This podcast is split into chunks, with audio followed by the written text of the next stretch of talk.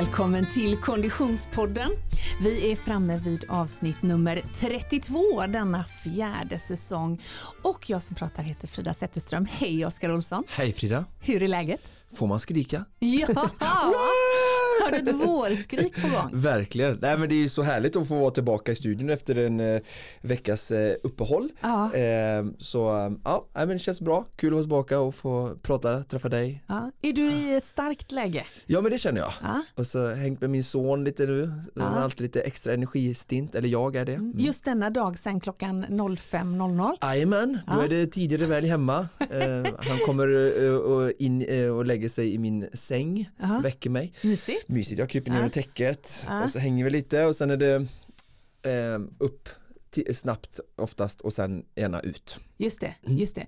Och han vaknar där vid en 05.30 Ja, idag var det Ja, 05.00, ibland brukar det gå hela vägen fram till ja, kvart 26 nästan. Just Men det. ehm, ja, idag var det tidigt, han Ja. somnade tidigt. Men då- det här är ju å andra sidan en, en, en tidsrytm som passar dig misstänker jag. Ja, jag, enligt min eh, mors utsaga så hade jag samma tidsrytm i hans ålder och eh, dessförinnan. Så att eh, jag är van vid det och har tagit med mig det in i vuxna livet också. Ja, så det, det. det funkar bra. Du och jag har ju gjort ett avsnitt för, eh, för länge sedan med en det. sömnprofessor. Det är jag. för övrigt ett av mina absoluta favoritavsnitt. Ja, eh, nu kommer jag faktiskt inte ihåg vilket nummer det är men eh, det, man kan söka på eh, träning och sömn Ja. eh, i Konditionspodden. Det är för ungefär ett år sedan eh, där vi då fick bekräftat att det finns morgon respektive kvällsmänniskor. Jag kan säga att mina barn vaknade när de var små också vid den tiden. Det är lite tuffare för en utpräglad morgonmänniska, eller kvällsmänniska menar jag. Ja, jag fick ju ödmjukt bita i det sura äpplet och svälja all stolthet där jag hela tiden i mitt liv har sagt liksom att det där är en inställningsfråga, det finns inget liksom förutbestämt eller att du skulle vara liksom född till det ena eller det andra utan Ja. det ligger bara i disciplinen. Men där fick jag vika ner mig och det var ett väldigt intressant avsnitt och Ja, nyttigt. Vi pratade ju med en sömnforskare där, en professor från Sahlgrenska som, som bekräftade att det faktiskt finns morgon och eh, kvällsmänniskor.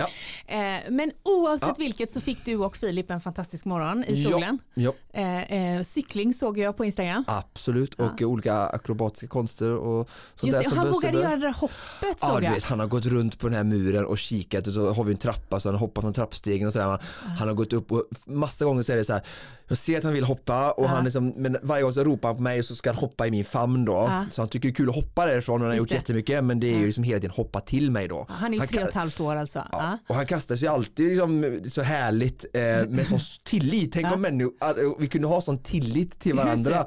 För han bara liksom knappt innan jag hinner vara med så bara Ja. kastar sig rätt ut och bara Ja, så här, ja. du kommer fånga mig, jag vet det. Ja.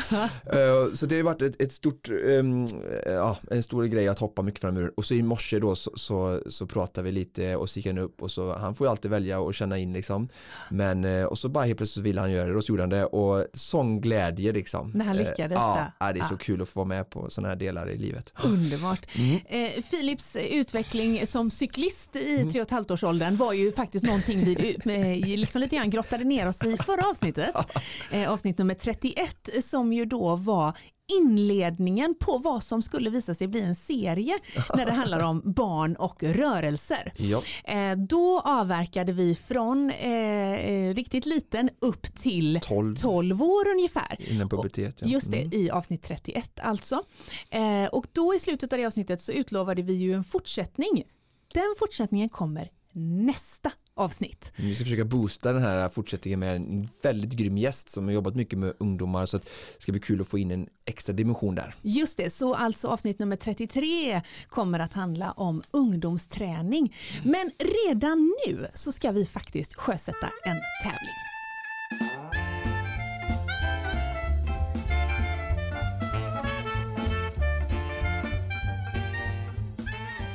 För vi är så himla glada Oskar att ha med oss våran poddpartner Stadium. Mm.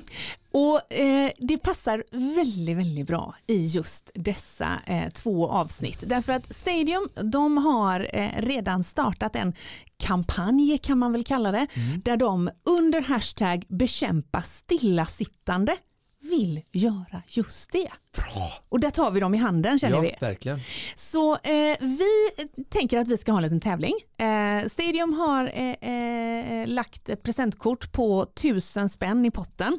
Bra. Det vill man ju vinna kan man tänka. Kan man köpa något roligt som man kan aktivera sig med? Ja, verkligen snygga träningskläder till exempel. Till exempel, eller Eh. utrustning. Eller utrustning, bra dojor kanske. Eh, man får välja själv helt enkelt. Ja. Det finns ett enormt utbud på stadium.se och i respektive butiker. Det man behöver göra för att tävla, vad är det?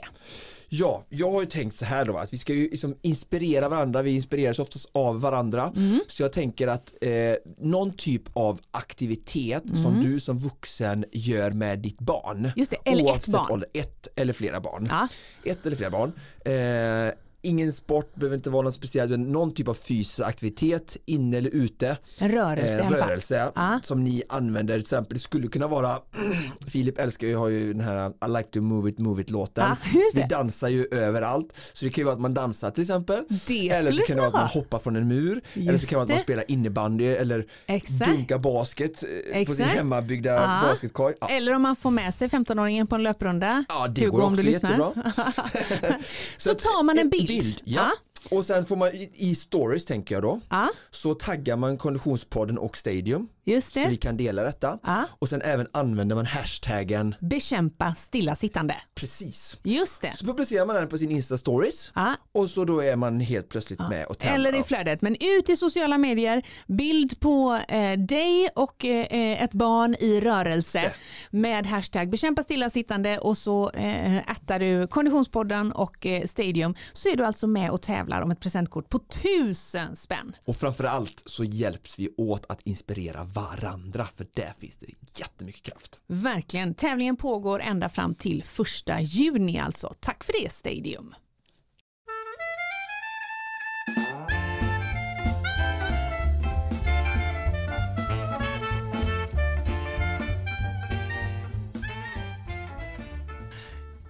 Ja men okej, så att eh, eh, ni var ute och cyklade och, och hade det gött i morse. Filip gjorde sitt eh, ordentliga hopp Ja. eh, och, och sen så tog ni er till förskolan. Jag misstänker att ni gjorde det eh, med rörelse eller?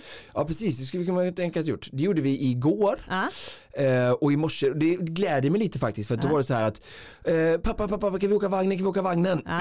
Och jag bara, alltså han vill hellre åka vagnen än bilen. Och då pratar vi inte spårvagnen Nej alltså. utan det är det som löparvagnen då. Ja. För då liksom, kan vi stanna lite längs med vägen ibland och Ja. han gillar att liksom åka och titta. Och, ja, men det gläder mig att han liksom verkligen tycker det är roligt att åka i den nu. Ja. Många har frågat mig genom åren, eller så många år är det inte men hur, hur, hur får du han att vilja åka med när du Ja. löptränar eller jag använder det som transportlöpning och han är med och sådär. Men det, ja, det har aldrig varit några problem med honom faktiskt och nu, nu vill han faktiskt pendla till dagis med vagnen. Just det. Så det är väldigt bra. Ja. Men eh, då nu när vi har överlämning så är det så mycket grejer som ska med och jag åker, brukar åka och lämna cykel och hjälm hemma hos hans mor innan och sådär. Så att eh, just när det är överlämning då får vi ta, eh, tar vi bilen då. Just det. Så att, eh, men de andra dagarna har vi tagit oss eh, med olika aktivitetsrörelser då. Mm. Så att eh, ja, Vi ska ju eh, som sagt eh, fortsätta på ämnet rörelse och barn i podden. Det blir eh, som sagt nästa avsnitt. Det här avsnittet gör vi ju något utav en nulägesanalys på hur det ser ut i samhället just här och nu. Och det går ju inte att komma ifrån Oskar att vi är jäkligt coronapåverkade. ja vi är i en unik situation, utmaning, kalla vad du vill. Som, verkligen. vi alla har ett val någonstans, eller vi som mänskligt har ett val att hur ska vi möta utmaning? Den Hur finns ju här, vi vi kan ju inte trolla bort den. Nej, nej, det är ju jäkligt synd men så är det, det är ett faktum. Mm. eh, och, och jag kan bara för egen personlig del konstatera att trots att jag är tämligen upplyst i detta ämne, inte minst beroende på eh, just det vi gör nu. Jag har folk runt mig som kan väldigt mycket. Eh, jag samlar på mig lite kunskap själv genom åren. Vet att jag mår bättre av att träna regelbundet. Så är det så att på grund av att Göteborgsvarvet var inställt förra veckan så har jag löptränat mindre. Än förra året. Det är ett faktum. Ja. Eh, och och jag, det är ändå lite fascinerande att konstatera att jag tror inte jag är helt ensam i detta. Nej, Eh, vad ska jag göra precis. åt det här Oskar? Ja, Jag tycker det är jätteintressant att vi lyfter detta och jag möter detta dagligen Mm. i mina adepter som jag coachar och som jag också träffar eh, på eh, gymmet och som kommer och tränar och ehm, jag, jag kan verkligen eh, skicka massa förståelse och eh, eh, se att det är svårt att hitta motivationen när vi någonstans har tappat lite riktningen Mm. och alltså ledsagaren Mm.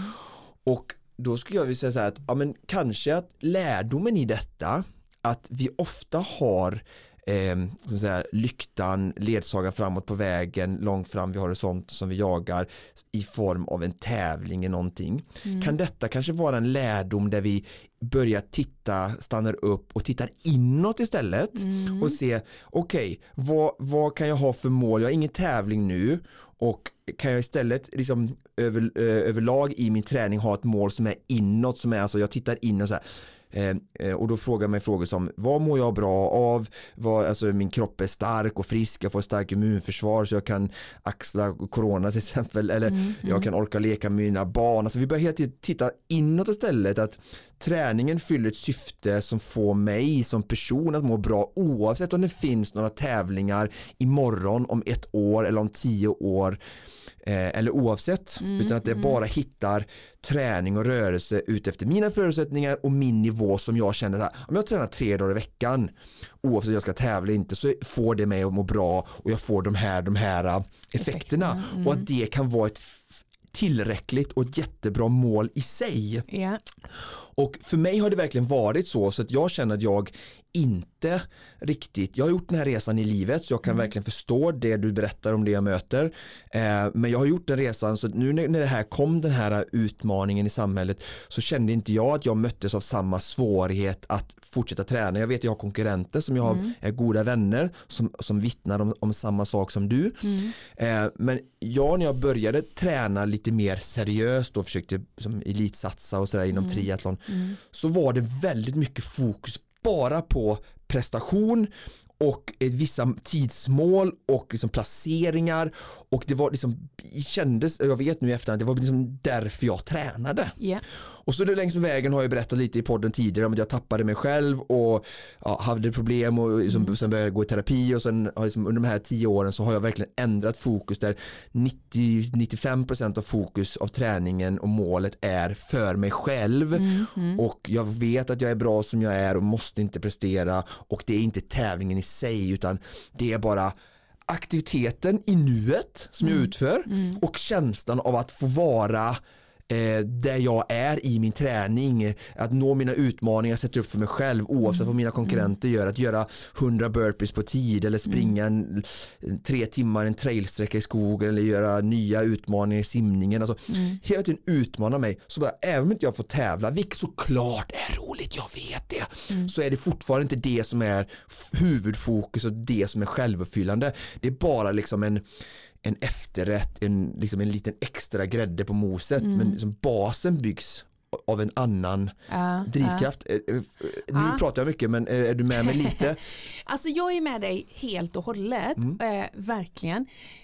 Det som jag, det, det som jag, ja säg. Jag tänkte säga så här, hon säger there's always a but. Ja, ja det är det ju. men. Ja, men, men, och det är ju då så att det, det gynnar mig att höra det igen och jag hoppas att Konditionspoddens lyssnare också känner så.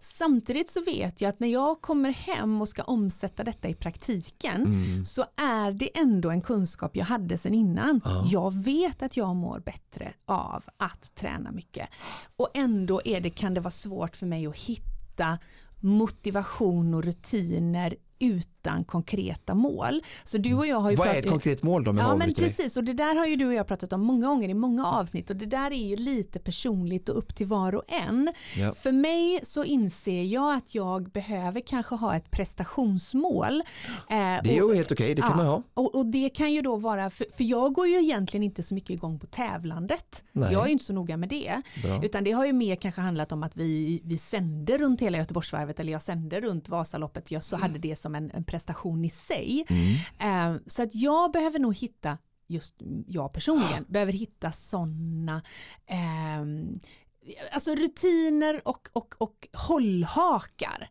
Eh, att, att, att vi har ju pratat om tidigare också att mitt liv, nu är allting så väldigt konstigt med corona, men mitt frilansliv är ju väldigt oregelbundet. Så jag behöver hitta regelbundna träningstillfällen som jag håller vid. Och det vet jag att du också har sagt tidigare är, är viktigt för många. Ja. Att man sätter liksom tider som man inte kan rucka på. Speciellt när vi väljer att leva liv där vi hör ihop med andra Mm. och behöver liksom eh, anpassa våra liv för att vi vill leva i tvåsamhet eller annat. så det är bra Mm. att hitta rutiner så att det blir lättare att synka och din omgivning vet när och hur du tränar för att det ska liksom ta Mm. hänsyn och sådär.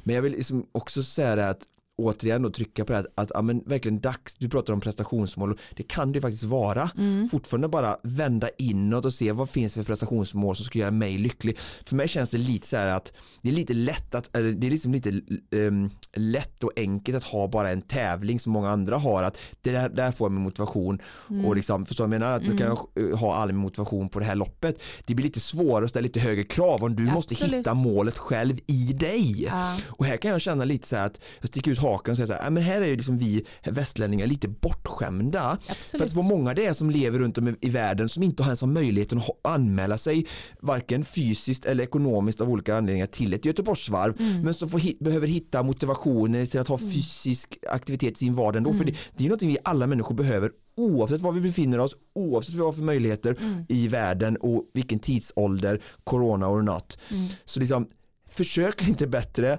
vänd inåt, leta upp det kan vara prestationsmål om det är det Ja, du behöver. ja, ja. Men hitta konkreta då mål i dig. Men tyvärr just nu finns inte tävlingar och Nej. det är inte en ursäkt Nej. nog. För, ja. Verkligen inte, verkligen inte.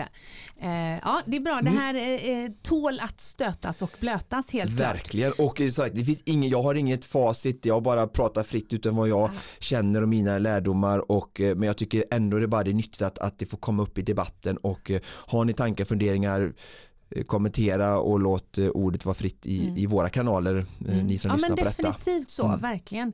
Eh, och i dagens avsnitt så har ju vi faktiskt en gäst Mm. som eh, eh, tar träningen utomhus, inte på grund av corona utan på grund av att det är den formen han har valt. Eh, så vi kommer att få eh, ett litet smakprov på en alternativ träningsform om en liten stund. Extra kul att få lyfta det i, i dessa tider också. Ja men verkligen. Men innan vi Passande. gör det så tänkte jag att vi ska titta på lite lyssnarfrågor för det kommer väldigt mycket respons vilket Ja. känns eh, otroligt kul. Det är härligt att ni vill prata med oss eh, och inte bara lyssna. Eh, Lättast så når ni oss på sociala medier, förslagsvis på Instagram eller Facebook. Vi heter föredömligt nog Konditionspodden i båda forum. Ehm, Det kom en fråga här, Oskar, baserat på förra avsnittet. Då står det så här. Hej! Lyssnade på avsnittet träning för barn. Jag saknar lite diskussion konditionsträning för barn, vilket jag för övrigt vet att eh, producent Niklas var lite inne på där. Eh, jag, sim, eh, jag är simtränare, spelade fotboll som barn. Nej, jag simtränade och spelade fotboll som barn. Hemma i Osby gick ett årligt löplopp eh, med den lite ojämna längden 12,4 12,4 kilometer. Jag sprang första gången 1990 som 11-åring utan att ha tränat specifik löpning en enda gång och gjorde det utan att gå tillsammans med min kompis. Idag tror jag inte ens att man får springa så långt som 11-åring då rek- antar jag att han tänker. Varför är det? Kan det vara farligt? Vad tänker ni om att träna löpning som barn? Hälsningar Andreas. Just det. Vad Oj. säger vi till Andreas Oskar? Ja, utan att jag har eh, förberett det här svaret med någon forskningsbaserad Mm. bakgrund så skulle jag säga så här, egen erfarenhet med min kontakt med barn och ändå den kunskapen jag har läst om träning och barn så är det så här att jag skulle säga först så säga att det är inte farligt Mm. och eh, jag skulle säga att barn är, alltså det, det, det vi vuxna har tror jag svårast om jag får säga vad jag tror, så är det att lyssna in barn. Mm. Eh, för när jag tittar bara på min egen son eller andra barn jag kommer i kontakt med så är barn är så öppna och så straight forward på något sätt. Man säger när de är trötta, när de är hungriga, när de inte vill längre. Mm. Om vi bara liksom lär oss att lyssna och inte sätter upp några fasta regler. Nu ska du springa den här sträckan. Alltså, eh, vill de bryta eller vill de sätta sig ner och vila? Eller liksom, jag har varit ute på långa upptåg med min son Mm. och Ena stunden har han mycket energi, ena stunden liksom är han stilla och filosoferar och någonting tar hans uppmärksamhet och sen vill han fortsätta. Låter som min hund. Ja precis, ja, precis lite så. Och där tror jag också så att de här 10, 9, 8, 11-åringar hade inga utan problem eh, kunnat springa det här loppet om vi bara som vuxna hade haft noll förväntningar eller liksom förutbestämda liksom hur det skulle gå till. Låt barnet bara röra på sig framåt och visa vägen mm. så, så hade det inte varit några, några alls problem och vill de stanna och dricka så får de göra det och mm. det är ingen tidspress eller någonting sånt där. Mm. mm. Så tror jag att man, om vi bara lyssnar på barn i leken eller i aktiviteterna, träningen så, så, så kommer det lösa sig självt. Och eh, jag menar, har de tillgång till vätska, det inte är 48 grader och, och jättemycket solsken eh, i öknen så det är klart klart att ett barn klarar att förflytta sig 11-12 km och få tillräckligt med tid på sig. Ah, Inga, ah. Inget snack. Nej, det. Och det är absolut inte farligt. Får anpassa farten bara efter. Mm, mm. Så att eh, Ja, jag tror, jag tror verkligen det, det här loppet är ju bara en symbolik i hur saker som jag hör runt om i samhället, hur vi försöker begränsa barn, det här kan vara farligt och så, det här kan vi inte vara med på. Liksom, jag kan känna igen det som hon mm, säger mm, eh, och jag tror att det finns mycket sånt att vi sätter upp och får föra saker och ting är är, är kanske farligt men, men, det är nog hur vi gör det som är det viktiga i ja. så fall och, om vi, och hur vi lyssnar in våra barn. Ja. Jag, jag, jag, förstår vad du menar men jag tänker samtidigt så här att det är en sak att, att lyssna in tre och ett halvt-åringen och låta den liksom följa dess rytm. Men om man lyssnar in, och jag skulle lyssna in tolvåringen, så kommer inte han, han kommer inte springa ett 12 kilometers lopp och stanna och filosofera ibland, utan där mm. kommer man förhandla, där kommer det förhandla om motivation på andra saker. Alltså där mm. är ju tid, tidtagning kommer vara viktigt till exempel mm. för ett lopp. Och då är det lite frågan, får man, som jag tror att Andreas var ute efter där också, får man liksom 12-åringar och 11-åringar att springa det idag? Liksom? Ja, frågan var ju om det var farligt Ja. Om det är så att vi inte får 12-åringar, jag kommer ihåg jag sprang mitt första eh, var ett 5 km lopp som jag vann mitt första lopp jag tävlade. Det var jag 6 eller 7 år och sprang mm. 5 km. Ja. Det borde kunna översättas till 10 km i 11 års ålder. Ja. Rent fysiskt bedriftmässigt om man säger ja. så. Och eh, jag menar eh, vill de inte springa så vill de inte springa. Nej. Och har vi svårt generellt i samhället att motivera barn, ja, då kanske får vi vuxna fråga vad är det vi har gjort? Har vi tappat engagemanget i våra mm. barns fysiska aktivitet som gör att de inte längre vill? Mm. För när jag var i den åldern så ville vi inget hellre än att springa lopp och, och det var aldrig något snack om att det var svårt med någon motivation. Nej.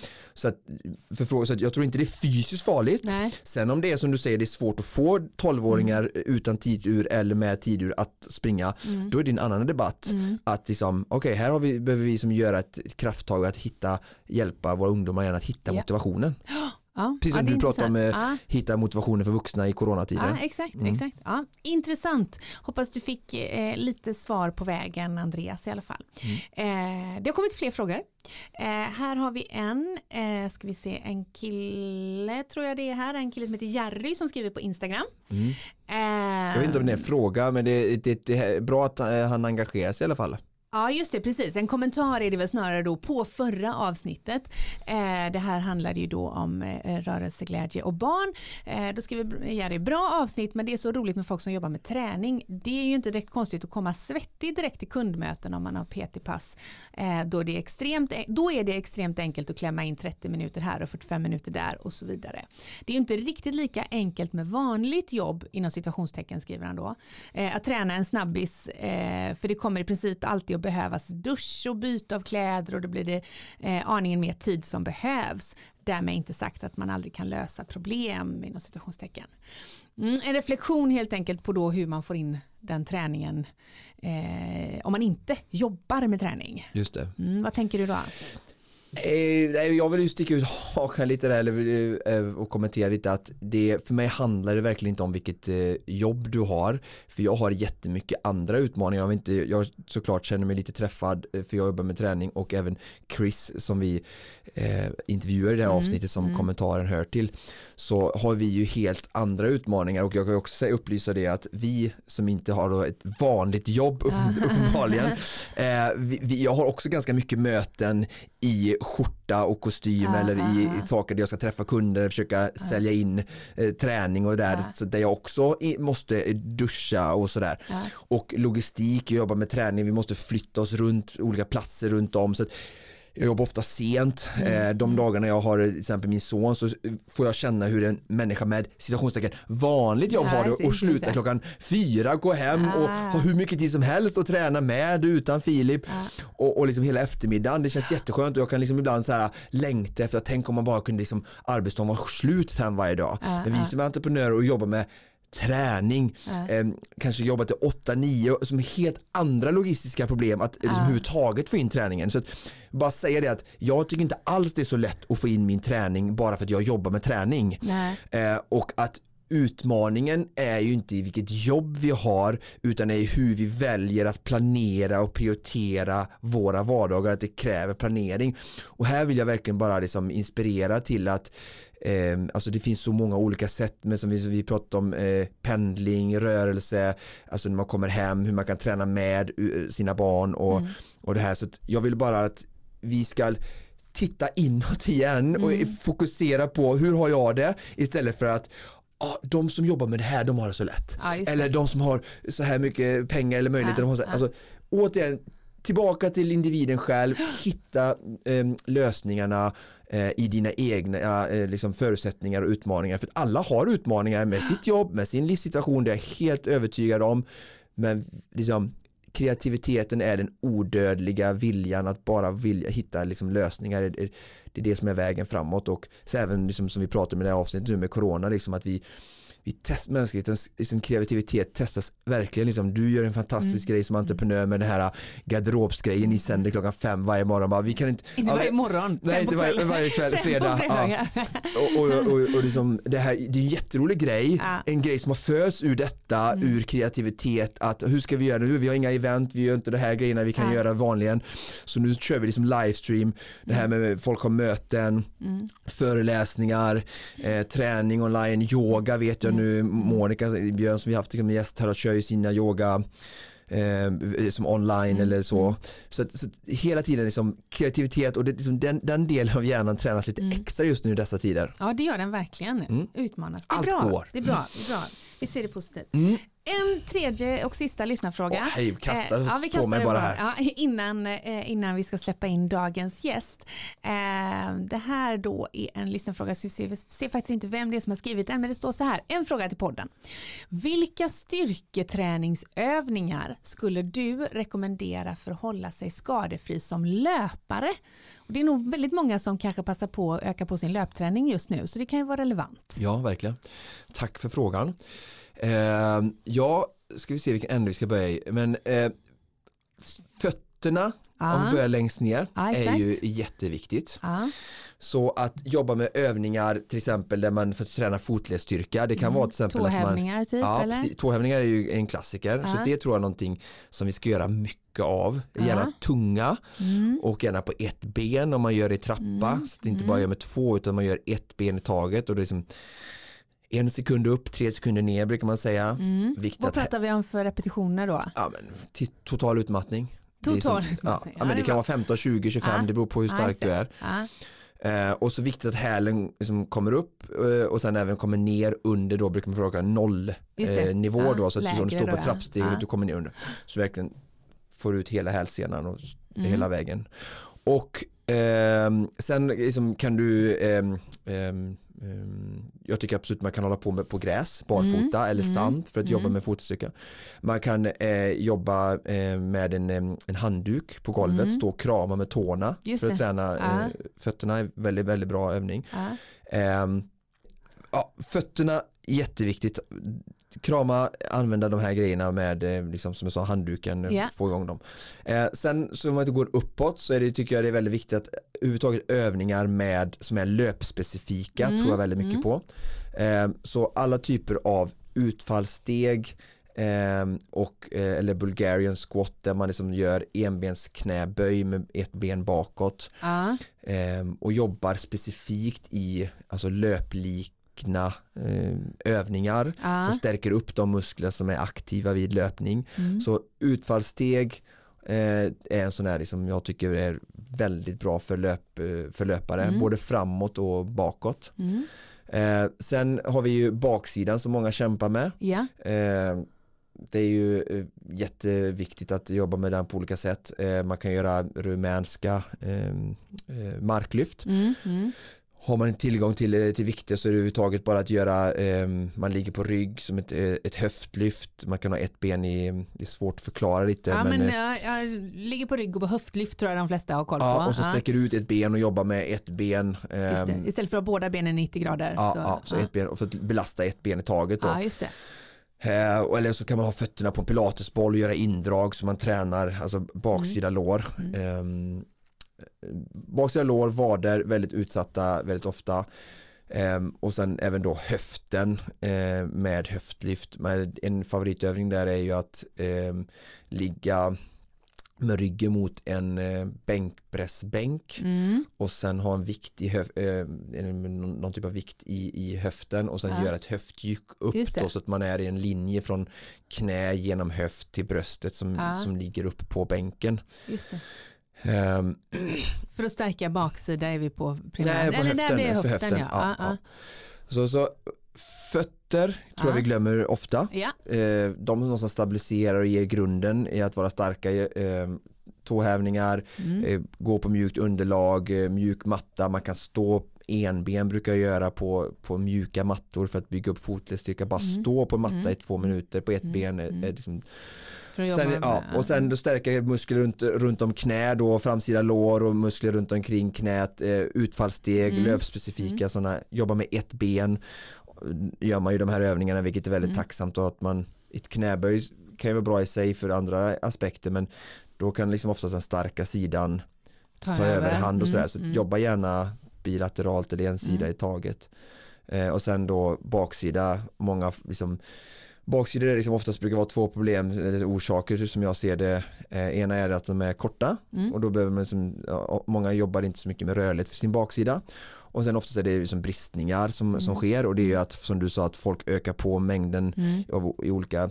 perioder i, livet Mm. eh, eller om året och eh, man styrketränar sällan baksidan. Liksom. Det är en ganska svår grej, jag har respekt för det. Mm. Men man glömmer ofta av den Mm. eh, och då får man lätt bristningar då. Mm. Ehm, så antingen är den liksom tight och då Mm. liksom man behöver jobba med mer rörlighet för den, mer Mm. yogaövningar, mer Mm. rörlighet och det är också sånt som vi inte prioriterar i den lilla tid vi sätter för träning och vi har heller inte kunskapen. Då. Mm.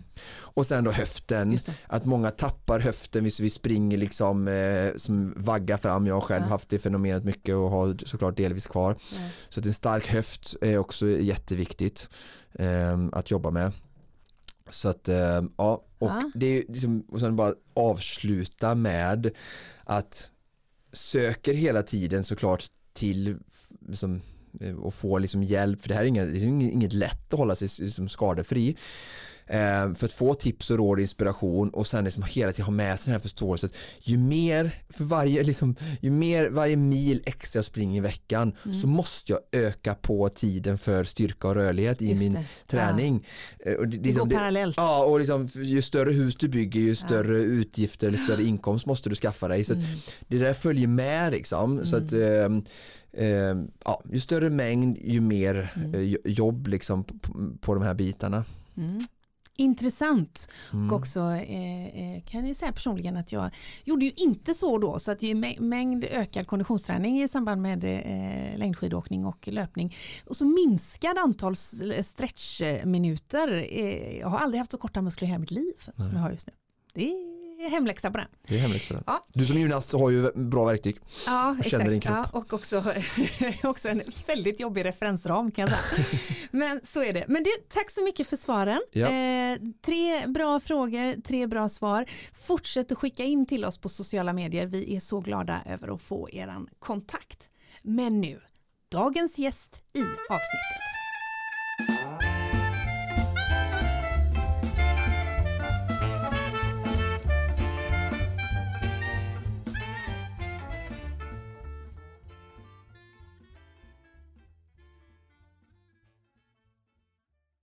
Niklas Svensson nya podd, Coach to coach. Nej. Hur stor artikel i GP då? Mhm. Det är någon, ja, vad heter han som har podden?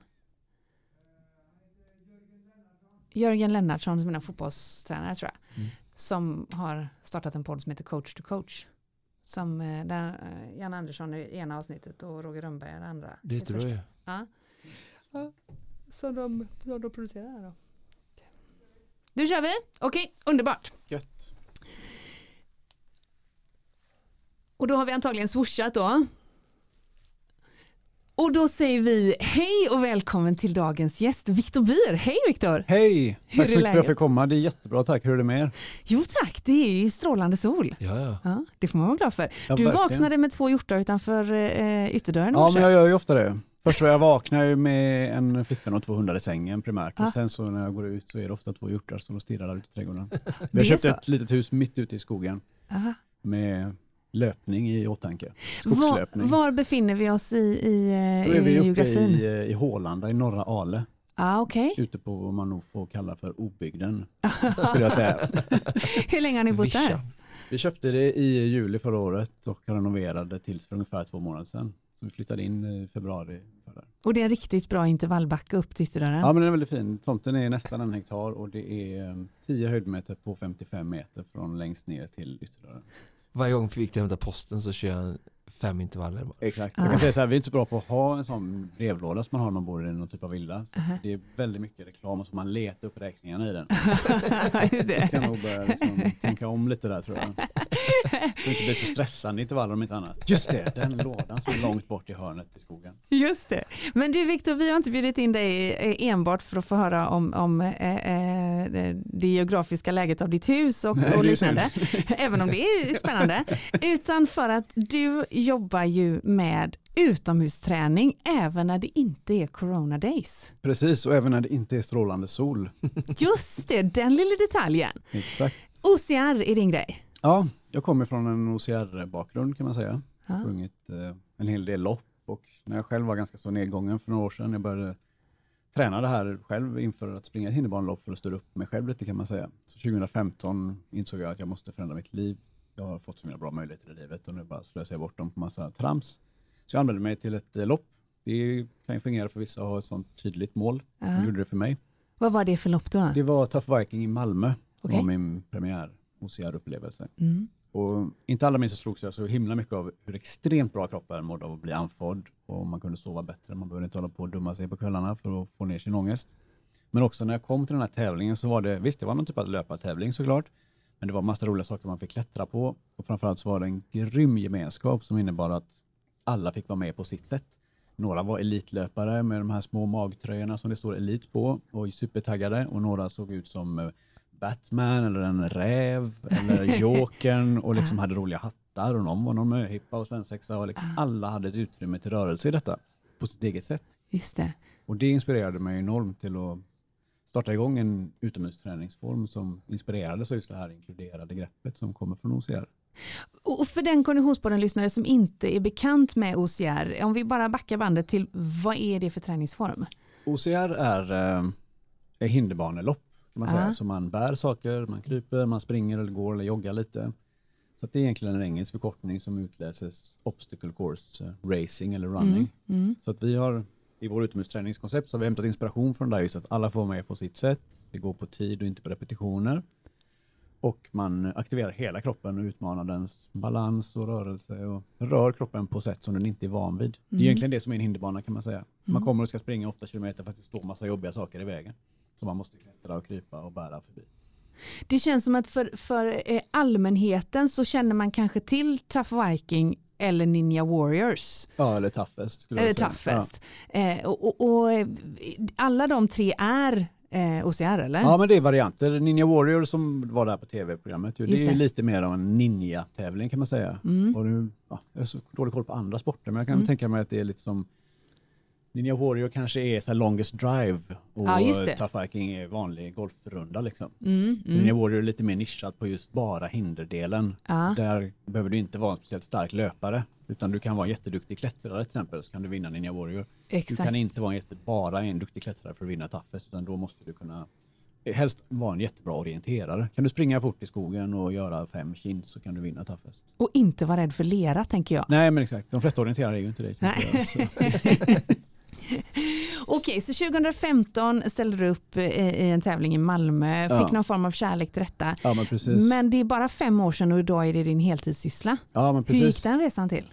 Det gick ganska så bra. Jag insåg att jag kommer aldrig bli snabbast och bäst på detta, men eh, jag kan bli snällast och jag är väldigt, väldigt dålig på att ge upp. Så jag hittade lite lopp som var sådär, det inte gjorde något om man inte sprang milen på 37 minuter i lera, utan att man bara var lite dum och orädd. Ja. Och det är ju två kvaliteter som jag värdesätter hos mig själv. jag hittade bland annat ett lopp som hette The Original Tough Guy. Det var världens första OCR-lopp faktiskt som startade redan på 80-talet i England. Oj, okej. Det var en maratonlöpare och hans son som insåg att vi tyckte det är tråkigt med maraton. De sprang London Marathon ihop som en eh, häst. Där sonen var bakdelen och pappan var framdelen. Så de satt ihop som en häst med ett stort hästhuvud. Och var sidade till en ganska tidig startgrupp. Det finns ett fint Youtube-klipp med detta. Och ehm, ja, kommentatorerna säger oj, där är det en häst som verkar hamnat lite fel, festligt liksom. Och sen så mot slutet så ligger de ju ganska bra. De trycker den där maran på runt tre timmar i hästdräkten liksom. Och så insåg de att det här är tråkigt med marar, vi måste göra något roligare. Så de hade en stor hästgård då där de tog hand om herrelösa hästar och sjuka hästar och etc. Ja. Så de bjöd in sina maratonvänner dit, så vi har gjort en jäkla sling här på gården och vi tror ingen av er kommer klara den. Och då var det ju lera, det var krypa i rör under vatten och han är ju helt galen den här Mr. Mouse som uppfann OCR. Så deras maratonvänner kom och de klarade banan lätt. Mr. Mouse blev supersur och sa okej nästa år välkommen tillbaka, jag ska göra en bana som jag absolut inte kommer klara. Han byggde högre och konstigare hinder och ju fler crazy grejer han byggde, desto fler människor kom och ville försöka. Just det. Och det var så OCR föddes. Och det här är redan på 80-talet Det är på du? 80-talet. Okej. Precis. 2017 så anmälde jag mig till det loppet i England. Det går i januari i England. Mm. Det är sånt jäkla härligt badväder. De flesta reser ju till England i januari just för, att bada. Liksom. Det är väldigt härligt. Så jag gjorde det och det är en och en halv mil långt och 300 hinder och det var minus två grader och lätt vind och regn som det bara kan vara i England. Det kan bara vara minus och regn i England. Just just det. Just det. starten. 6000 människor massstartar samtidigt på en ledig åker. Åh herregud. Och det är helt livsfarligt. Det är trummor och eldar och rök och bara helt Det är som Vasaloppet utan bananas. snö du vet. Ja men exakt, precis. Och utan de här vassa pinnarna man får hugga varandra med. Men så var det och jag kom på plats 36 av de 6000 Oj! och blev förste svensk. Det passar mig väldigt bra när det är kallt och man bara ska vara lite envis och skita i att det är jättejobbigt. Liksom. Så då börjar folk förstå, så men den här killen från Göteborg som håller de här träningspassen och håller på, han måste ha gjort någonting rätt. För folk bedömer gärna en efter prestation inom Just det. idrott. Just det. Det Så, känner vi igen. Det känner du igen det tror jag. Ja. Så på den vägen är det. Då börjar folk tänka, men fasen hans sätt att träna kanske inte är så dumt och den här banan han har byggt kanske inte är helt galen. Och, Och den här banan han har byggt, för det hann du också med då under Ja. den här perioden.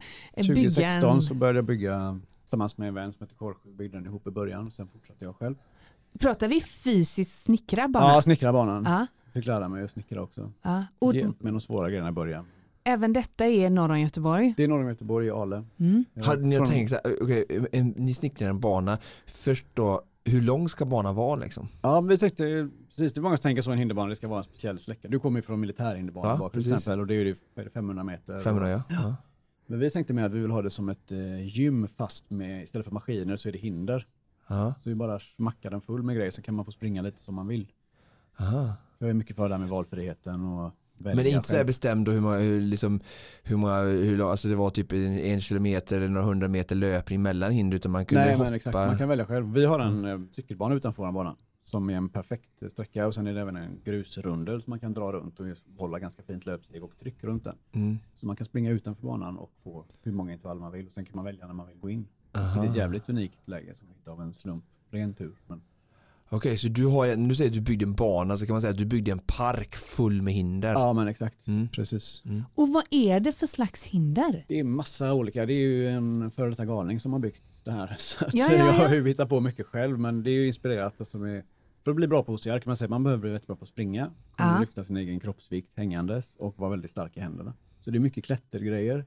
Det är Sveriges förmodligen svåraste ramp. För jag byggde den såklart, jag kollade på Tough Vikings jätteramp Ja. Och så tänkte jag, men jag bygger den som är lite brantare och lite högre. Det här är den väggliknande Ja, konstruktionen som man som springer en upp för. skateboardramp Ja, som man just liksom det. springer upp för. Ja, som ju ser helt omöjligt ut tycker jag. Ja, Men, okej. det är väldigt, ja. väldigt svårt. Jag tänker om jag bygger allting på gymmet lite svårare än vad det är på loppen så kommer det bli enkelt för mig när jag ska tävla sen. just det. Och det stämde delvis. Ja. Det är inte jätteenkelt att springa allt man kan i skogen och sen klättra på saker. Nej, just. Men hindren är jag ganska lätt för eftersom de hos oss är lite tilltweakade. Så att klarar man ett hinder hos oss så kommer man enkelt klara det på tävlingen. Det här gymmet som då ligger eh, strax norra om Göteborg i, i, Bohus, det är ju eh, bara en del av din verksamhet och vi ska snart gå in på den andra. Men om vi bara håller oss kvar i den här parken en liten stund. Vi- Vilka är det som kommer dit? Det är alla möjliga människor. Vi har ju förmånen att lyckats eh, få till ett varumärke som liksom visar att alla deltar på sin nivå på riktigt. Så Mm. att vi har alla möjliga typer av människor. Kan jag Dels- komma dit med mina barn? Du kan komma dit med dina barn, det är gratis för barn. Vi tar inget betalt för någon som är under 18 år. Vi känner de har ändå ingen koll på sitt liv, betalar ingen skatt och jobbar oftast inte. Så Nej. En väldigt fin tanke måste det är ingen idé att stressa dem utgifter. ja. Okej. Men det är vem som helst kan komma dit och det är liksom frilek. Det är en plats som vi vill att människor ska kunna använda för att upptäcka sin egen väg in till rörelseglädje. Så tänk liksom, gillade man skeppsbrott i gympan Ja. så kan man köra där. Har man vunnit VM i OCR kan man också köra där. Just Det är det. verkligen ja, högt och lågt. Du som aldrig har tränat och de som har vunnit VM, de kör där tillsammans. Just det.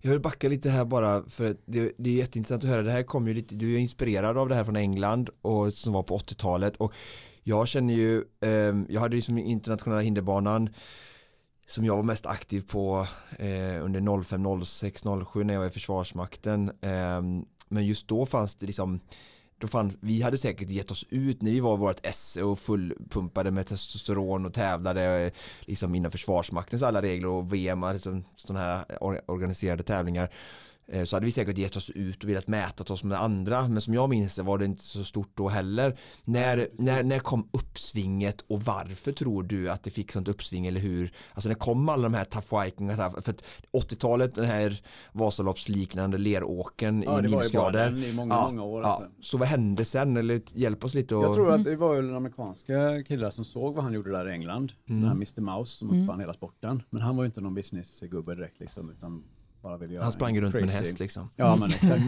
Och så såg de det och eh, då var det väl, jag tror killarna startade Tough Mudder som insåg att han har ju en cash cow här. Mm. Han gör ingenting av den liksom. Det är bara en trubbig diamant som ligger i en lerpöl. Mm. Så de plockade väl upp den här och slipade till det och skapade mer koncept. Jag tror det kanske var runt 2013.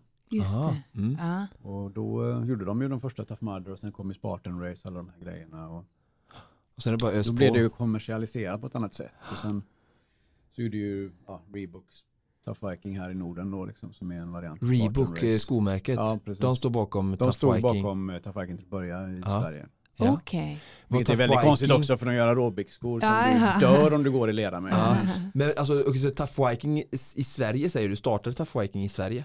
men det är väl svenskt. Ja, ja. Och en pappa och son från Stockholm. Aha, okej. Okej.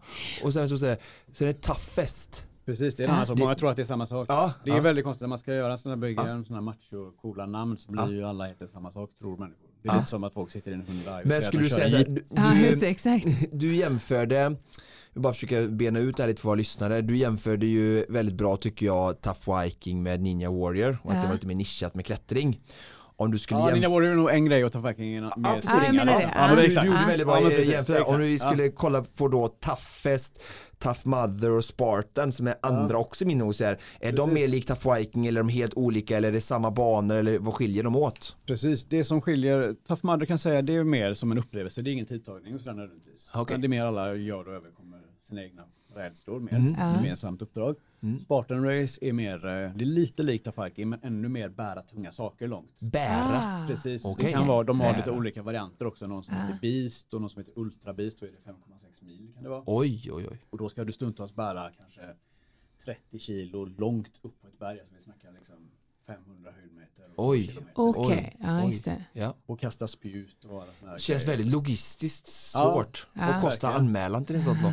Ja, det ligger på, nu har jag faktiskt inte sprungit några Spartans, Nej. men det är dyrt. Ja. Det är inte liksom, det är inte så inkluderande. 3-4 Det är så- tusen. Ja, men det kan det nog Ja, vara. Sen ja. ska du resa dit också. Ja, Ja. just ja, det det. är bara kul att få Men vanliga i. Slottsskogen, de ligger ju, om du använder det tidigt kan du få för en 500 ungefär. Liksom. Ja. Ja. Men det är tough, men Toughest Tough Viking är typ samma eller? Ja, Tough Viking är lite en light-variant av Spartan kan man säga. Ja. Bära saker och sådär men det är mycket kortare sträckor. Jättekorta bärsträckor. Medan Ja. Toughest är ju absolut högsta serien. Okej. Aha. Är du elit i Toughest så är du högsta ligan förmodligen i världen.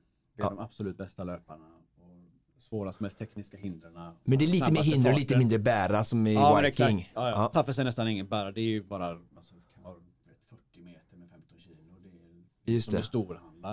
Men det låter lite mer som mig, för mig då det här som är med eh, internationella hinderbanan var ju också, vi bär ju ingenting utan Nej, det är bara precis. springa och Ja, snabbt Ja. över hinder liksom tekniskt. Mm. Men och, och sen finns väl även, fast det kanske är en helt annan eh, liga i och för sig, men jag tänker så här arena run. Alltså att, Ja, eh, det är ju mer en ja. inomhusgrej. Men och det är väl en variant Ja, eller? en variant av det, precis, absolut. Jag har inte sprungit själv för jag vill inte springa inomhus mycket. Men Nej. det är också, liksom, det finns ju massa varianter och spinoffer på de här Ja. loppen. Ja, det har verkligen liksom utvecklats åt olika håll och precis. mycket. Det är ju för att det är, alltså, de här typerna av lopp tar ju från traditionella löplopp. Just det. deltagare. Folk har Så det är tröttnat ju på en att springa på en eh, asfaltsträcka. Ja men lite så liksom. Det, det blir Men- inte så mycket mer. Än så länge är det väldigt, det låter som att det är väldigt eh, individdrivet, alltså att det är egna verksamheter, företag som ligger bakom och, och sådär. Det är- Ser du att det växer fram klubbar och organisationer runt den här Lite, sporten? det, det finns ett gäng som försöker starta, ett gäng i varje land nästan, där det finns en OCR-scen som försöker starta någon sorts förbundsliknande Ja. grejer liksom. Men ja, det växer fram lite föreningar. Jag vet att Friidrottsförbundet har tagit sig an OCR som, som någon sorts prospect. Mm. Om vi pratar sån här MC-värld. så är liksom, då är Friidrottsförbundet någon sorts paraply. Ja det. men exakt, ni får, ni får bre mackor åt oss i två år. Ni kan eh, Torka bort leran. Ni slipper döda någon. handtorka tartan i tre år så får ni vara med sen. Nej, men så det, det är många som driver och vill att OCR ska bli, citationstecken, nu gör jag med händerna sådär, för Mm. att slags en riktig sport. Just det.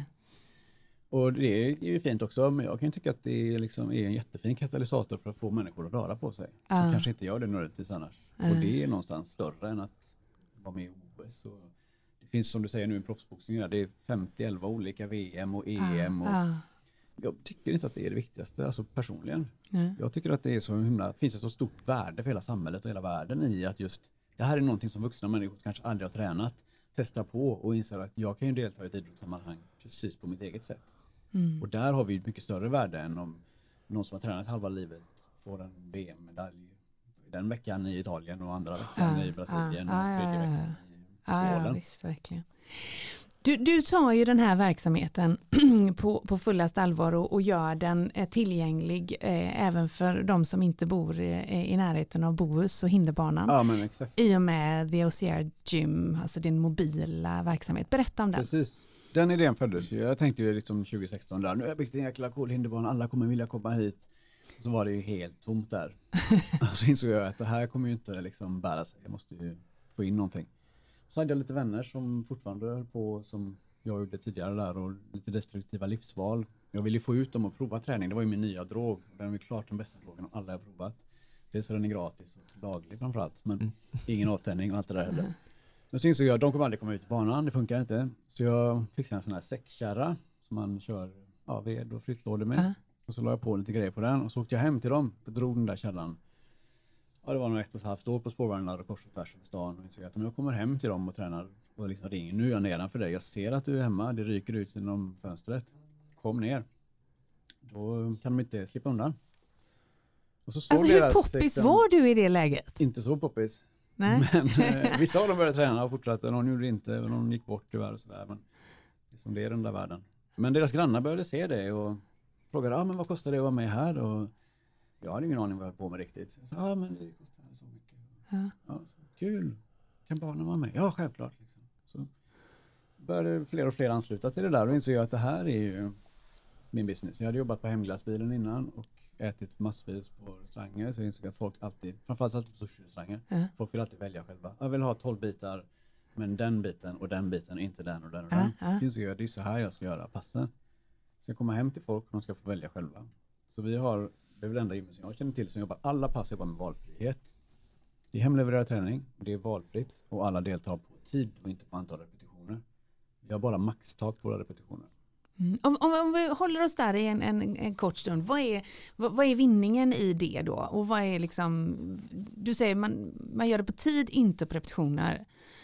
Alltså vad, är, vad, vad, vad, ser du, vad, vad, är vinningen med det? Precis, hela vårt tidsbaserade upplägg är ju, ger en stor vinst i att alla kan vara med på sitt eget sätt. För Mm. om vi tre ska göra någonting här och vi ska lyfta den här bollen, en tung boll 20 gånger, Mm. kanske det tar en kvart för mig, det tar två minuter för Frida och det tar fyra minuter för dig. Det blir en väldigt konstig liksom, disposition. Ja. Och det är så orimligt tycker jag att begära att alla ska göra samma sak. För vi har så himla konstiga, konstig inställning till att alla liksom, är någon sorts likvärdiga inom sport. Det är vi inte. Det är jättejobbigt för någon att göra tre och fyra och sådär. Ja. Så vi kör allting på tid och så länge tiden går så gör var och en så mycket som de vill och känner att de orkar. Just det. Mm, Okej. Mm. Tid är lite mer demokratiskt. Mm. En minut är en minut för alla oss tre oavsett Mm. Exakt. Okej, så, så eh, man kommer, du kommer hem, eller du och dina medarbetare? Ja, nu är vi flera och vi Ja. hela landet och snart världen. Ja. Vi, kommer, vi kommer hem till bostadsområden på fasta dagar och tider varje vecka. Ja, Och så är vi, det kallar det för gymmet utanför dörren. just Vi det. står på gräsmatta och det är ett väldigt enkelt sätt. Alltså, vi tar bort hela logistiken för människor. De behöver inte liksom åka någonstans för att träna och tänka på ombyten. Men hur samlar ni liksom kluster? Alltså, eh, hur får ni det, eh, flera stycken på samma, det måste vara så ovanligt att det är flera stycken i samma område som vill köra. Att, jag tänker att det borde vara så utspritt liksom. Jag har ju Ja. inga som tränar på mitt gym som bor på samma ställe, utan alla bor ju överallt liksom. Vilket gym, hur många medlemmar är det på ditt gym? Ja, vad kan det vara, kanske 200? Vet du var alla bor? Ja. Grymt. Ja, men det vet jag nog. Men hur många bor i ditt bostadsområde? Ja, I mitt där jag bor? Ja. Ja det, är- det är ju så utspritt där. Jag bor Ja. ute vid havet och det är ju liksom kleti och pleti överallt men eh, ja. Men antagligen så är det människor där som har en hjärna och kan promenera och må bra av en förbättrad kondition. Mm. ja jag var bara imponerad att ni Ja. får Nej men det Ja, är liksom, nått i, vi riktar oss inte mot eh, de människorna som älskar att träna. Det är Nej, inte vårt fokus. Liksom. Nej. Vi vet, alltså människor som älskar att träna kommer snappa upp varenda ny träningsgrej som finns. just det.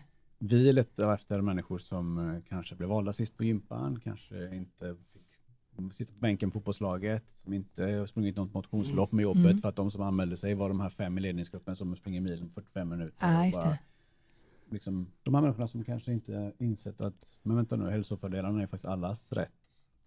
Och någonstans så har vi skapat en plattform där alla kan ta del av dem. Vi säger alla har rätt till en bra kondition, det är därför vi har så här sjukt låg tröskel in och det är aldrig några tävlingsmoment, det är inga parövningar. Många utomhusträningsgrupper har ju så att man ska bära varandra och hålla på. Ja. Vi kör aldrig något sånt. Utan det är tillsammans i grupp fast ändå var och en för sig. Mm.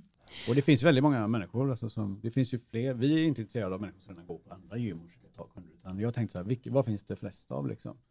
Människor som inte tränar och människor som tränar. Mm. Människor som inte tränar såklart. Mm. Så de, Men hur lockar ni dem då? Eller hur liksom får ni över dem? För jag tänker Ja, det tröskeln är brukar ofta vara svår Ja, ja, absolut. För det sitter ju oftast i den egna individens mentala liksom, begränsningar och Verkligen, föreställningar. precis. Mm. Vi intalar ju oss gärna själva vad vi inte Ja, kan göra, vilket ja. är väldigt konstigt. Ja. Vi borde gå runt där varje dag vad vi kan göra. Mm. När vi är små, bättre. jag har en liten son hemma, han är Ja. precis tvärtom. Men Ja, sen men någonstans precis- så, Så händer vänder det, det. och så Ja, blir det. Ja men det gör det verkligen. Barn har ju fattat grejen. Men jag kan allting. Ja det här kan jag nog. Vågar du gå upp det? Ja det vågar jag. Ja. Ja. Och sen så får vi ett första jobb och så kommer någon äldre, oftast man, och säger att så kan du inte göra. Så kan du. Och sen blir vi knäckta och sitter där i stolen och betalar skatt och är duktiga. Mm. Men det börjar förändras lite nu tror jag. Du rullar inte runt med en pirra eller sexkärra längre misstänker jag? Nu har jag en bil med en sladd i som jag glömmer att stoppa i så jag får sitta och den får sitta och vänta i olika laddstolpar runt om. Jag får underhålla mig så länge. Vad är det för slags eh, prylar ni har med er ut när ni kommer till Det bostadsområdena? är jätteblandat men vanligaste som eh, man kanske känner till om man rör lite på sig det är något som heter typ medicinboll, Mm. kettlebells, hantlar, skivstång, vanliga, ganska vanliga träningsgrejer. Mm. Sandsäckar och olika typer av rep. Vi jobbar ju mycket med bära, kasta, krypa och sen koner också. Jätteunderskattad sak. Mm. På hösten och vintern så har vi lampor i konerna så då lyser vi upp gräsmattor med små blåa fyrar som står över. Det ser väldigt gulligt ut. Gud, Vi tränar utomhus året runt. Jag menar, det är, alltså bara fördelen av att vara utomhus ger ju människor så jättemycket. Liksom. Det gör ju hur mycket som helst för hjärnan, precis som Mm. du säger. Och, Idag är ju det dessutom eh, för många det enda alternativet eh, när corona eh, får folk att inte vilja gå in på gymmen. eh, Om de nu ville det innan. Det vi- nu, nu får man inte säga så, men vi hoppas att corona nu håller i sig hela vintern här Nej, nu. Så det får man inte säga. Så hoppas vi inte. Faktiskt, där går gränsen. Det hoppas vi inte. nej, det hoppas vi inte. Bara en säsong. Men, men eh, Viktor, man skulle ju kunna tänka att det här var eh, en Ja, du har form... fått, fick du det direkt Ja, där. som straff. exakt. Ja, somliga straffas det sen detsamma. Men di- din träningsform lämpar ju sig i allra högsta grad kan man säga. Ja, Märker verkligen. du av eh, eh, något uppsving eller hur ser det ut? Det kommer fler deltagare nu tror jag, men vi har inte liksom någon jätteskillnad i tillväxt mot förra våren. Det trillar in folk ganska stadigt till oss. Ja. Men eh, vi har fått många som har googlat på utomhusträning och liksom sett oss. Så att jag tror på sikt kommer det, kommer det bli fler som inser värdet av att vara ute. För att det är lite konstigt tycker jag. Vi bor inomhus givetvis, de flesta av oss som Ja. har tur och fördel, den fördelen i livet. Sen så åker vi någonstans och jobbar inomhus, gör väldigt många, stillasittande ofta. Och sen sätter vi oss i bilen igen, eller på spåren, och så åker vi hem och sen är vi inomhus. Eller kanske då mellan de platserna att vi åker inomhus och tränar. Mm. Vi går in i en kontorslokal, för det är alla gym kan jag meddela. Mm, Det är inga gym som är gym, allt är kontorslokaler i Mm. stan. Med ganska dålig ventilation och så står vi i ett rum med 45 andra personer och andas allt vad vi kan på varandra. Ja. Och sen går vi därifrån. Och så tänker vi att det har gjort någonting för vår hälsa. Och det har vi faktiskt. För vi har blivit anförda och det är grymt bra att det finns sådana träningsställen inomhus också givetvis. Mm. Men det är så mycket bättre för människor att vara utomhus. Mm. Och det behöver inte vara att man kommer att träna med oss. Det finns tusen andra utomhusaktörer man kan träna med. Man kan promenera själv. Man kan springa upp och ner för en backe lite om man vill det. Men gör saker utomhus. Det är liksom det som är att avlasta sjukvården på riktigt. Mm. Inte bara stå och applådera från sin balkong och allt det här. När man gör något för sjukvården så var ute och rör på dig. Det är ändå ganska basic krav. Liksom. Det kan man tycka, ja men det är en rätt schysst deal. Onekligen är det det. Viktor, jag misstänker att det finns både en och tre Konditionspodden-lyssnare som är lite sugna på att ta reda på mer. Var hittar man information om er verksamhet? Ja, man hittar ju faktiskt oss i um, App Store och Google Play nu för tiden. Mhm. Vi har en app som heter The OCR Gym. T-H-E-O-C-R Gym. Hur glad blev du när du insåg att den gick att registrera? Väldigt glad. Jag blev ännu gladare när jag hittade Oskar som Ja. började som kund och nu är en prospect i vårt elitteam och är en fantastisk apputvecklare som har byggt hela den här bara för oss. Det är Just det. helt magiskt. Sån grym person. Och appen hjälper folk att hitta vilken gräsmatta i Ja, vilket bostadsområde ni befinner er. Och framförallt kan man beställa hem hos sitt eget område. ah. Om man vill ha, vi är fem stycken här på gatan som vill träna, ja men då kommer vi. Och så börjar vi där och så kör vi på. Ah. Så det är bara att beställa hem. Alla borde ha ett eget gym utanför dörren. Det är Verkligen. superenkelt. Man går ut på gården eller gräsmattan eller den lokala lilla fotbollsplätten som finns överallt och aldrig används. Barnen kan hänga med för de är i sitt eget bostadsområde. De kan springa runt och leka där för det gör de alltid annars. Ja. Slipper åka någonstans. Och det blir ett grymt nytt pass varje gång. Massa nya upplägg, roliga, inspirerande övningar. Och kan man liksom göra en one time deal eller måste man signa upp sig på att ni kommer varje torsdag? Man i- kan göra en one time deal också, men det blir ju klart fördelaktigare om man signar upp sig på lite fler tillfällen. Ja. Till exempel vanligast att ladda på, vad man fyller på själv med pass i appen. Det vanligaste att fylla på med 11 eller 15 pass. Just det. Och då får man också lite mer effekt. Alltså det, är inte, det är jättebra att träna en gång bara Ja. i sitt liv. Men det är ju mer man gör det varje vecka. Får en rutin. För efter ett par veckor så ser vi att då kommer man, ah, men nu jag cyklar dit idag. Ja. Eller jag promenerade eller jag provade att jogga. Vissa människor tar ju bilen till våra pass också. Ja. Även om det är liksom en kilometer hemifrån. Ja. Men vi ser att om man rör på sig och gör någonting kontinuerligt under fyra veckor och fem veckor så Mm. blir det mer än vanligt. Ah, men nu gick jag, jag har inte åkt hissen på jobbet. Eller jag promenerade på lunchen. Och vilka, vilka, hur många är ni eller vilka är ni som gör detta? Är det någon, vilka är det mer än dig? Vad är det för bakgrund? Eller vad gör ni? Vi är ett gäng coacher och Ja. nu har vi en ny vd också som kommer jobba från Stockholmsbolaget och ta oss utomlands och expandera oss. Ja. Jag är med, jag gillar att springa lera och kasta bollar och klättra Ja. rep. Jag är inte så- Men du håller i pass också? Jag håller pass också, absolut. fortfarande. Mm. Det kommer jag nog alltid göra. Jag gillar det. Mm. Vi är några coacher runt om, ungefär åtta coacher säger ungefär, för vissa gör andra grejer också. Mm. Ungefär åtta coacher, så en filmfotograf, vi har roliga drönare och grejer. Mm. Vi gör ju mycket resor, event, och, inte just nu. Ja. Vi åkte till Svalbard förra året till exempel. Just det. Körde en träningsresa dit. Och Ah, kul. första gymmet i världen. Det blir vi även om en vecka ska vi bli certifierade i inkluderande träning, en workshop som vi har tagit fram tillsammans med en tjej som heter Felicia. Okej. Vi kommer bli det enda gymmet i, ja, vad vi vet i Sverige som har alla coacher certifierade i inkluderande träning för människor som sitter i rullstol. Ah, intressant. Hon har även kontaktat alla de stora gymkedjorna om den här idén som hon hade, men de tyckte inte det var något viktigt. Okej. Så nu har de lite en god PR-utmaning här när jag säger det i er podd. Ja, Bra. Då kan man komma till oss och få hjälp av Felicia och certifiera sin personal i träning för människor i rullstol. För att jag har gnagt lite i mig att vi säger att alla har rätt till en bra kondition, men varje gång jag sett en person som sitter i stol har jag känt att det här vet inte vi vi ska möta. Nej. Den här träningsutmaningen som det blir när man bara sitter ner. Så det ska bli superkul att få lära sig och sen på sikt också få lära andra. Just det. För alla mår bra av att bli anförda och överträffa sig själva. Ja, det här känns ju verkligen som bra i tiden alltså. eh, Med tanke på Onekligen. gott, och vi får hoppas såklart att eh, vi får bukt på corona snart. Ja. Men Ja, det eh, oavsett så är det ju en, eh, kanske bra att vi kan, eh, det här kan lyftas nu och ändå vara en del av oss efter corona också. Ja. Att, sådana här saker får utrymme och Ja men verkligen. Vi har så bra förutsättningar i Sverige att gå ut. Vi får gå överallt i skogen. Och Exakt. Vi menar göteborgare, det är inte många som vet kanske, men världens bästa skoföretag för utomhusmotion Ja. är från Göteborg Ja. och heter Icebug. Och liksom, det är bara att gå ner på Södra Larmgatan, haffa ett par skor för att gå i skogen och Ja. promenera. Det är världens bästa träning. Och sen kan man accelerera sin träning hur mycket man vill, men Mm. man behöver inte komma och köra gruppträningspass för att må bra. Man kan bara ta en promenad till att börja med. Onekligen. Viktor Byr, tack så hemskt mycket för att du kom och gästade Konditionspodden och gav oss lite energi att fortsätta träna utomhus. Verkligen. Ja, men tack så jättemycket för att jag fick komma. Mm, tough Viking Bra. alltså, det kanske kan vara det då, eller toughest eller? Precis. Ut, ut med er. Ja, underbart.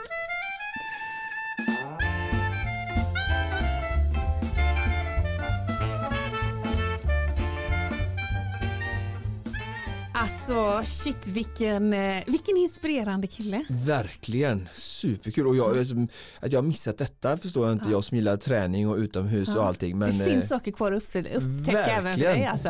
häftig Ja, jag ser movement. Mm. verkligen fram emot att ta mig till den här hinderbanan. Eh, dessutom ligger den ju på min sida av stan. Ja. Så jag ska ta med mig eh, båda mina barn och min man dit. Får du ta någon sån här inspirational picture till vår tävling och vara med och tävla? Ja men det ska jag verkligen göra Mm. för vi, det tål ju att upprepas att vi i det här avsnittet alltså sjösatt en tävling som kommer pågå fram till den första juni. Eh, man tar en bild på sig själv och eh, ett barn i rörelse, eh, attar Konditionspodden och Stadium och eh, hashtaggar bekämpa stillasittande. Och det var ju Viktors eh, den grundfilosofi får man säga. Ja, liksom verkligen ta bort alla trösklar, all prestation. Det viktigaste är bara att vi människor rör på oss lite mer och verkligen det behöver vi i vårt sätt att leva idag. Lite mer eh, närmare till eh, aktivitet och eh, lite putt i ändan att komma ut mer. Mm, det gillar vi, det gillar vi verkligen. Eh, I nästa avsnitt av Konditionspodden som alltså blir avsnitt nummer 33 kommer vi ju att eh, fortsätta fokusera på rörelse och då ungdomar Och träning. eh, och Mm. träning. Eh, och jag vet att du har ju en del ungdomar som kommer att träna hos dig. Ja precis, det har varit några stycken genom åren, inte så många som jag vill men det har varit en del och eh, det är härligt och det är utmanande och eh, Jag vet ju att det är flera Oskar som ställer frågan om man vill börja träna med dig eh, så kan man ju antingen anlita dig som PT såklart men eh, du har också andra idéer på gång. Ja, jag eh, tänker nu att eh, nu får vi ju, alltså vi är ju, vi pratar om det på frukosten här, alltså, alltså det ju, går ett flyg till Stockholm eh, och eh, miljön tackar och tar emot men vi, vi är ju väldigt mycket hemma nu. Japp.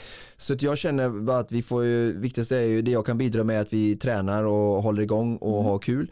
Så att eh, jag kommer köra eh, sommarträning utomhus Ah, i anslutning till härligt. eh, gymmet. Ja. Så jag hoppas att du och Henke kommer. Absolut. Eh, Så min tanke är att man, eh, man kör eh, ett, vi kommer köra liksom klippkort eller engångsförfarande. Man kommer där man kan. Mm. Kommer du ha fasta dagar då? Ja, tisdagar och torsdagar som det ser ut nu, Ja. klockan 17. Mm. När drar du igång det här? Juni. Ja, härligt. Så, och så är tanken att man betalar för en och så får man ta med sin kompis. Ah.